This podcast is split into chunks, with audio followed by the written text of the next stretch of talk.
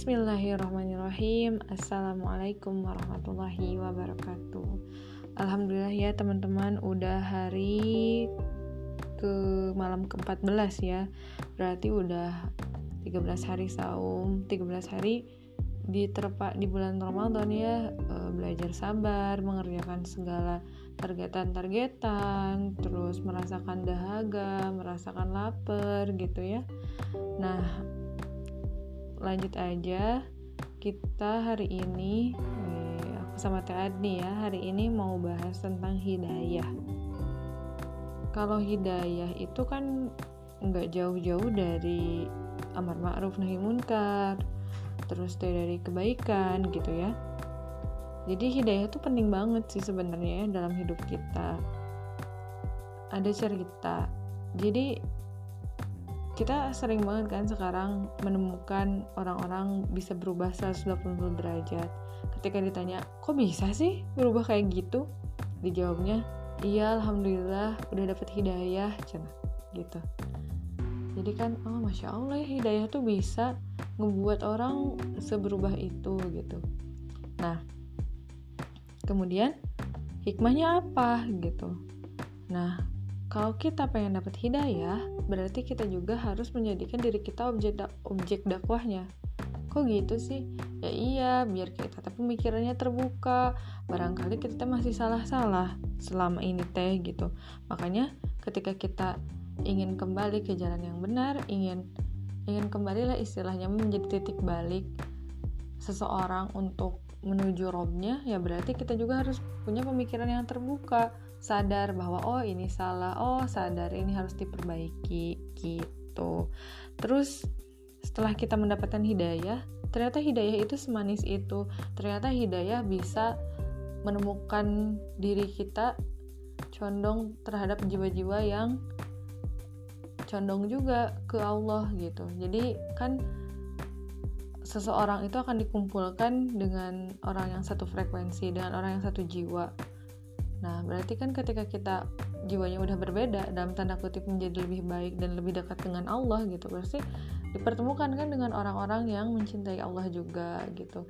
Dari mulai pertemanannya jadi berbeda, terus cara menyikapi masalah kita pun berbeda. Lebih bisa mengamalkan uh, bisa beri masalah meminta tolong kepada Allah dengan sabar dan sholat. Kan kalau dulu mah naon sih sabar dan sholat sabar dan sholat? Udah geningan angger we masalah aku mah ayah ayah keneh udah sholat juga. Gitu. Tapi kalau sekarang udah udah dapet hidayah ini jadi beda parameternya. Kayak uh, iya sih masalah aku masih banyak tapi Allah kasih aku tenang kalau habis sholat. Oh ini ya pertolongan Allah teh lebih jadi mindsetnya lebih kayak gitu gitu ya masya Allah.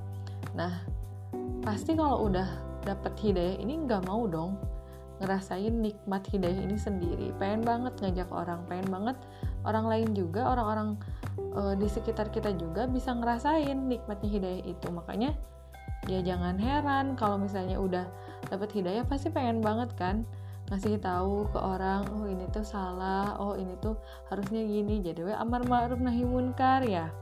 Nah tetapi tetap aja hidayah itu hak prerogatifnya Allah.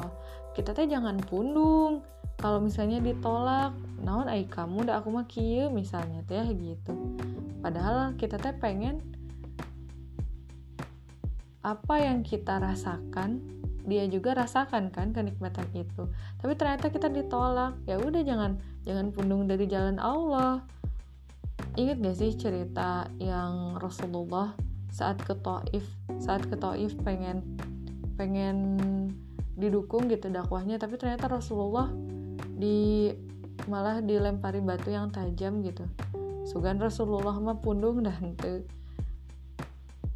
malah yang penjaga malaikat penjaga gunung kan. Sok Rasulullah kalau mau ini uh, sok aku timpakan kepada penduduk Taif lah cina kan sakit hati yang ngelihat Rasulullah digituin. Tapi Rasulullah mah nggak gitu.